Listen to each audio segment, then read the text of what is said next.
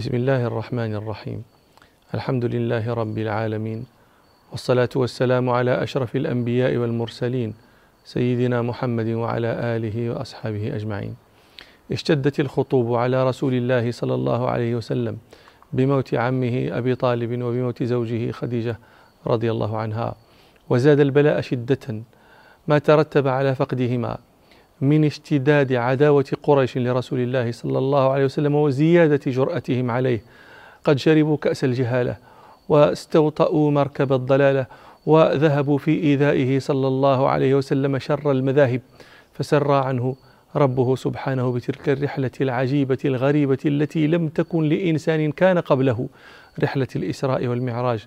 تكريما له صلى الله عليه وسلم وربطا على قلبه وليريه ربه سبحانه من آياته الكبرى فعاين رسول الله صلى الله عليه وسلم ما عاين من أمر ربه وسلطانه العظيم ومن قدرته الباهرة التي يصنع بها ما يريد. واختلف العلماء في تعيين تاريخ الإسراء والمعراج، فقالت طائفة كان قبل الهجرة بسنة، وقالت طائفة كان قبلها بثلاثة عشر شهرا، وقالت طائفة بأحد عشر شهرا، وقيل بثمانية أشهر وقيل بستة أشهر وقيل غير ذلك إلى تمام خمسة عشر قولا عند العلماء في تعيين زمن الإسراء والمعراج. على أنه لا يترتب كبير شيء على هذا الاختلاف ولكن الأكثر على أن الإسراء والمعراج كان قبل الهجرة وكان بعد موت آه، أبي طالب وخديجة رضي الله عنها وكان بعد عودة رسول الله صلى الله عليه وسلم من الطائف. والإسراء والمعراج ذكرهما ربنا سبحانه في كتابه فقال في شأن الإسراء سبحان الذي أسرى بعبده ليلا من المسجد الحرام إلى المسجد الأقصى الذي باركنا حوله لنريه من آياتنا إنه هو السميع البصير. وقال سبحانه في شأن المعراج ولقد رآه نزلة أخرى عند سدرة المنتهى عندها جنة المأوى إذ يغشى السدرة ما يغشى ما زاغ البصر وما طغى لقد رأى من آيات ربه الكبرى. وحديث الإسراء والمعراج موجود في الصحيحين فما دونهما. قد رواه جمع من الصحابة. رواه أنس بن مالك وأبو ذر الغفاري ومالك بن صعصعة وجابر بن عبد الله وعبد الله بن عباس وعبد الله بن مسعود وحذيفة بن اليمان وشداد بن أوس وبريدة بن الحصيب وغيرهم رضي الله عنهم أجمعين. وطرقه في الصحيحين تدور على أنس بن مالك رضي الله عنه فتارة يرويه عن أبي ذر عن النبي صلى الله عليه وسلم وتارة يرويه عن مالك بن صعصعة عن النبي صلى الله عليه وسلم وتارة يرويه عن النبي صلى الله عليه وسلم بلا واسطة. وفي بعض هذه الطرق زيادات على ما في بعض وأنا ها هنا أذكر إن شاء الله قصة الإسراء والمعراج من هذه الطرق كلها ولست خارجا عن روايات الصحيحين إلا لغرض إيضاح لا يتأتى منهما. وحاصل هذا الخبر العجيب الغريب أنه صلى الله عليه وسلم حدث عن ليلة أسري به فقال صلى الله عليه وسلم بينما أنا في الحجر أو قال في الحطيم مضطجعا إذ أتاني آت هذا الآتي هو جبريل فقد ما بين هذه إلى هذه ما بين ثغرة نحره إلى شعرته الشعرة شعر العنى قال فقد ما بين هذه إلى هذه فاستخرج قلبي فغسل بماء زمزم. ثم أتيت بطست من ذهب مملوءة إيمانا فغسل قلبي ثم حشي ثم أعيد. طبعا هذا هذا الجزء هو هذه القصة كلها نبأ الإسراء والمعراج كله عجب. يعني تنتقل من شيء عجيب إلى شيء أعجب منه. وهذا الموضع هذا كانت طائفة من الناس تكذب به. آه، كيف يتأتى هذا؟ كيف يكون أن يخرج القلب ويغسل ويحشى ولا يموت صاحبه؟ وصرنا نرى هذا بأم الحين آه، الإنسان آه، نسأل الله العافية الذي تجرى له عملية القلب المفتوح. يكسر تكسر أضلاعه ويستخرج ويشق صدره ويستخرج قلبه ويقطع منه الصمامات وتعاد خياطتها ثم يعاد إرجاعه ثم يعيش الرجل سنين وسنين. ولا يتعجب أحد من هذا. فصارت الناس ترى هذا. لكن طبعا شتان بين هذا الذي يذكره آه، رسول الله صلى الله عليه وسلم فيما حدث له وهذا الذي يصنعه الأطباء. الأطباء لا بد من أن يخدروا هذا المريض. وبغير ذلك لا لا يمكن قد يموت من شدة الألم إن صنع به ذلك من غير تخدير ولا بنج. ثم إذا استيقظ بعد ذلك يحس بالآلام نسأل الله العافية في في جسده كله ويستمر معه ذلك الألم زمنا طويلا بينما هذا الذي فعل برسول الله صلى الله عليه وسلم رسول الله صلى الله عليه وسلم ينظر ينظر هذا الذي يفعل به يرى آه، صدره يشق ويرى قلبه صلى الله عليه وسلم يستخرج وهذا القلب مربوط بنياط وعروق ويستخرج ولا يحس لذلك ألما ولا ضررا. هذا صنع ربنا سبحانه هذه الآية. لكن ها هنا قضية. ربنا سبحانه على كل شيء قدير. فهو سبحانه قادر على أن يحشو قلب نبيه صلى الله عليه وسلم إيمانا من غير حاجة إلى شق صدره واستخراج قلبه. وقلبه في صدره من غير من غير شق. ربنا سبحانه قادر أن يحشوه إيمانا. فلأي شيء يشق الصدر ويستخرج ليحشى إيمانا. الجواب في هذا أن رسول الله صلى الله عليه وسلم ما الذي يزاد من اليقين عندما يرى هذا الشيء الذي هو في أسباب المعتادة يكون منه التلف المحقق والهلاك المتيقن؟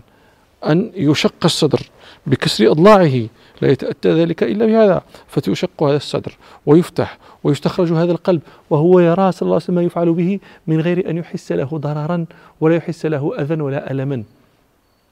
كيف يكون بعد ذلك صلى الله عليه وسلم يقينه وهو يعاين من قدرة ربه ومن سلطانه الباهر هذا الذي يراه؟ ولذلك صلى الله عليه وسلم كان كان يأمن كل ما من شأنه أن يخيف من الأسباب المعتادة فكان صلى الله عليه وسلم أشجع الناس وأقواهم يقينا. قال صلى الله عليه وسلم ثم أتيت بدابة دون البغل وفوق الحمار أبيض. قال الجارود أحد من يحدثهم أنس بن مالك رضي الله عنه بهذا الحديث. قال هو البراق يا أبا أنس؟ قال هو البراق. قال صلى الله عليه وسلم يضع خطوه عند أقصى طرفه عند منتهى نظره. الطرف النظر عند منتهى نظره يضع حافره. قال صلى الله عليه وسلم فحملت عليه. في آه، رواية عند الترمذي أن آه، أنه صلى الله عليه وسلم أتي بالبراق مسرجا ملجما فاستصعب عليه. فقال جبريل عليه السلام أبي محمد تفعل هذا فما ركبك أحد أكرم على الله منه. قال فارفض البراق عرقا ارفض عرقا سأل عرقا. قال صلى الله عليه وسلم فركبته حتى أتيت بيت المقدس فربطته بالحلقة التي يربط به الأنبياء ثم دخلت المسجد فصليت ركعتين. قال ولقد رأيتني في جمع من الأنبياء فإذا موسى عليه السلام قائم يصلي وإذا رجل ضرب جعد كأنه من رجال شنوءة. فإذا رجل ضرب الضرب النحيف جعد شعره آه، ليس سابطا ليس مسترسلا إنما هو متثن متكسر. فإذا رجل جعد ضرب كأنه من رجال شنوءة. رجال ازد شنوءة معروفون بالطول. قال صلى الله عليه وسلم وإذا عيسى عيسى بن مريم عليه السلام قائم يصلي أقرب الناس شبها به عروة بن مسعود الثقفي. وإذا إبراهيم عليه السلام قائم يصلي أشبه الناس به صاحبكم يعني نفسه صلى الله عليه وسلم. قال فحانت الصلاة فأممتهم. فلما فرغت قال قائل يا محمد هذا مالك خازن النار فسلم عليه. قال صلى الله عليه وسلم فالتفت إليه فبدأني بالسلام. قال صلى الله عليه وسلم ثم خرجت فجاءني جبريل بإناء من لبن وإناء من خمر. قال فشربت فأخذت إناء اللبن. فقال جبريل عليه السلام اخترت الفطرة. قال صلى الله عليه وسلم ثم عرج بنا إلى السماء حتى أتى السماء الدنيا. فاستفتح ضرب بابا من أبوابها. فقال أهل السماء من هذا؟ قال جبريل قيل ومن معك؟ قال محمد صلى الله عليه وسلم. قيل وقد أرسل إليه. قال نعم. قالوا فقيل مرحبا به فنعم المجيء جاء. ففتح. قال فلما خلصت فإذا رجل عن يمينه أسودة وعن شماله أسودة. الأسودة جمع سواد وهو الشخص. تقول رأيت سوادا من بعيد أي رأيت شخصا. قال فعن يمينه أسودة وعن شماله أسودة. فإذا نظر قبل يمينه ضحك وإذا نظر قبل شماله بكى. فقلت من هذا يا جبريل؟ قال هذا أبوك آدم فسلم عليه. فسلمت عليه فرد, فرد ثم قال مرحبا بالابن الصالح والنبي الصالح. وقال جبريل وهذه الأسودة التي عن يمينه وعن شماله نسم بنيه فأما الذين عن, عن يمينه فأهل الجنة وأما الأسودة, الأسودة التي عن شماله أهل النار. إذا نظر قبل يمينه ضحك لأنه يرى بنيه الذين هم من أهل الجنة. وإذا نظر قبل شماله بكى لأنه يرى الذين هم من أهل النار. نسأل الله العافية. قال صلى الله عليه وسلم ثم صعد بي إلى السماء الثانية فاستفتح فقيل من هذا؟ قال جبريل. قيل ومن معك؟ قال محمد صلى الله عليه وسلم. قيل وقد أرسل إليه. قال نعم. قيل مرحبا به فنعم المجيء جاء. فقال صلى الله عليه وسلم ففتح فلما خلصت إذا يحيى وعيسى عليهما السلام وهما ابن الخالة. قال جبريل عليه السلام هذا يحيى وعيسى فسلم عليهما. قال صلى الله عليه وسلم فسلمت عليهما فردا ثم قال مرحبا بالأخ الصالح والنبي الصالح. قال صلى الله عليه وسلم ثم صعد بي إلى السماء الثالثة فاستفتح فقيل من هذا؟ قال جبريل. قيل ومن معك؟ قال محمد صلى الله عليه وسلم. قيل وقد أرسل إليه؟ قال نعم. قيل مرحبا به. فنعم المجيء جاء ففتح. فلما خلصت إذا يوسف عليه السلام فقال جبريل هذا يوسف. فسلم عليه. وإذا هو قد أعطي شطر الحسن. قال صلى الله عليه وسلم فسلمت عليه فرد. ثم قال مرحبا بالأخ الصالح والنبي الصالح. قال صلى الله عليه وسلم ثم ثم صعد بي إلى السماء الرابعة. فاستفتح. فقيل من هذا؟ قال جبريل. قيل ومن معك؟ قال محمد صلى الله عليه وسلم. قيل وقد أرسل إليه. قال نعم. قيل مرحبا به فنعم المجيء جاء. ففتح. فلما خلصت إذا إدريس عليه السلام. فقال جبريل هذا إدريس فسلم عليه. فسلمت عليه فرد ثم قال مرحبا بالأخ الصالح والنبي الصالح. قال ثم صعد بي إلى السماء الخامسة. فاستفتح قيل من؟ قال جبريل. قيل ومن معك؟ قال محمد صلى الله عليه وسلم. قيل وقد أرسل إليه. قال نعم. قيل مرحبا به فنعم المجيء جاء. قال ففتح. فلما خلصت إذا هارون. فقال جبريل هذا هارون فسلم عليه. فسلمت فرد ثم قال مرحبا بالأخ الصالح والنبي الصالح. قال ثم صعد بي إلى السماء السادسة فاستفتح فقيل من؟ قال جبريل. قيل ومن معك؟ قال محمد صلى الله عليه وسلم. قيل وقد أرسل إليه؟ قال نعم. قيل مرحبا به فنعم المجيء جاء. ففتح فلما خلصت إذا موسى عليه السلام. فقال هذا موسى فسلم عليه. فسلمت عليه. ورد ثم قال مرحبا بالأخ الصالح والنبي الصالح. فلما تجاوزت بكى فقيل له ما يبكيك؟ قال أبكي لأن غلاما بعث بعدي يدخل الجنة من أمته أكثر مما ممن يدخلها من أمتي. قال صلى الله عليه وسلم ثم صعد بي إلى السماء السابعة. فاستفتح فقيل من هذا؟ قال جبريل. قيل ومن معك؟ قال محمد صلى الله عليه وسلم قيل وقد أرسل إليه قال نعم قيل مرحبا به فنعم المجيء جاء. قال ففتح فلما خلصت إذا إبراهيم عليه السلام. فقال جبريل هذا أبوك فسلم عليه. فسلمت عليه فرد ثم قال مرحبا بالابن الصالح والنبي الصالح. وفي خارج الصحيح كلام لإبراهيم عليه السلام بلغ أمر ابنه رسول الله صلى الله عليه وسلم أن يبلغناه فقد روى الترمذي عن ابن مسعود رضي الله عنه أن إبراهيم عليه السلام قال لرسول الله صلى الله عليه وسلم لما لقيه يا محمد صلى الله عليه وسلم أقرئ أمتك مني السلام وأخبرهم أن الجنة طيبة التربة عذبة الماء وأنها قيعان وأن غراسها سبحان الله والحمد لله ولا إله إلا الله والله أكبر. وقد, وقد تساءل العلماء الحكمة في أن رسول الله صلى الله عليه وسلم لقي من لقي من هؤلاء المذكورين في السماوات. رسول الله صلى الله عليه وسلم لقي الأنبياء كلهم في قول أو كلهم إلا أربعة أو خمسة في قول آخر في المسجد الأقصى لما صلى بهم. لكن ما السر وراء لقي هؤلاء الذين ذكرنا في السماوات؟ ذكر العلماء أسبابا وحكما في هذا. لكن أحسن ما ذكر ما أبداه بلدينا الإمام السهيلي المالقي الأندلسي ثم المراكشي المغربي. إذ يقول آه إن آه لقاءه صلى الله عليه وسلم لمن لقي من الأنبياء فيه إشارة إلى أن رسول الله صلى الله عليه وسلم سيقع له نظير ما وقع لكل واحد من هؤلاء. قال رحمه الله لقي رسول الله صلى الله عليه وسلم آدم.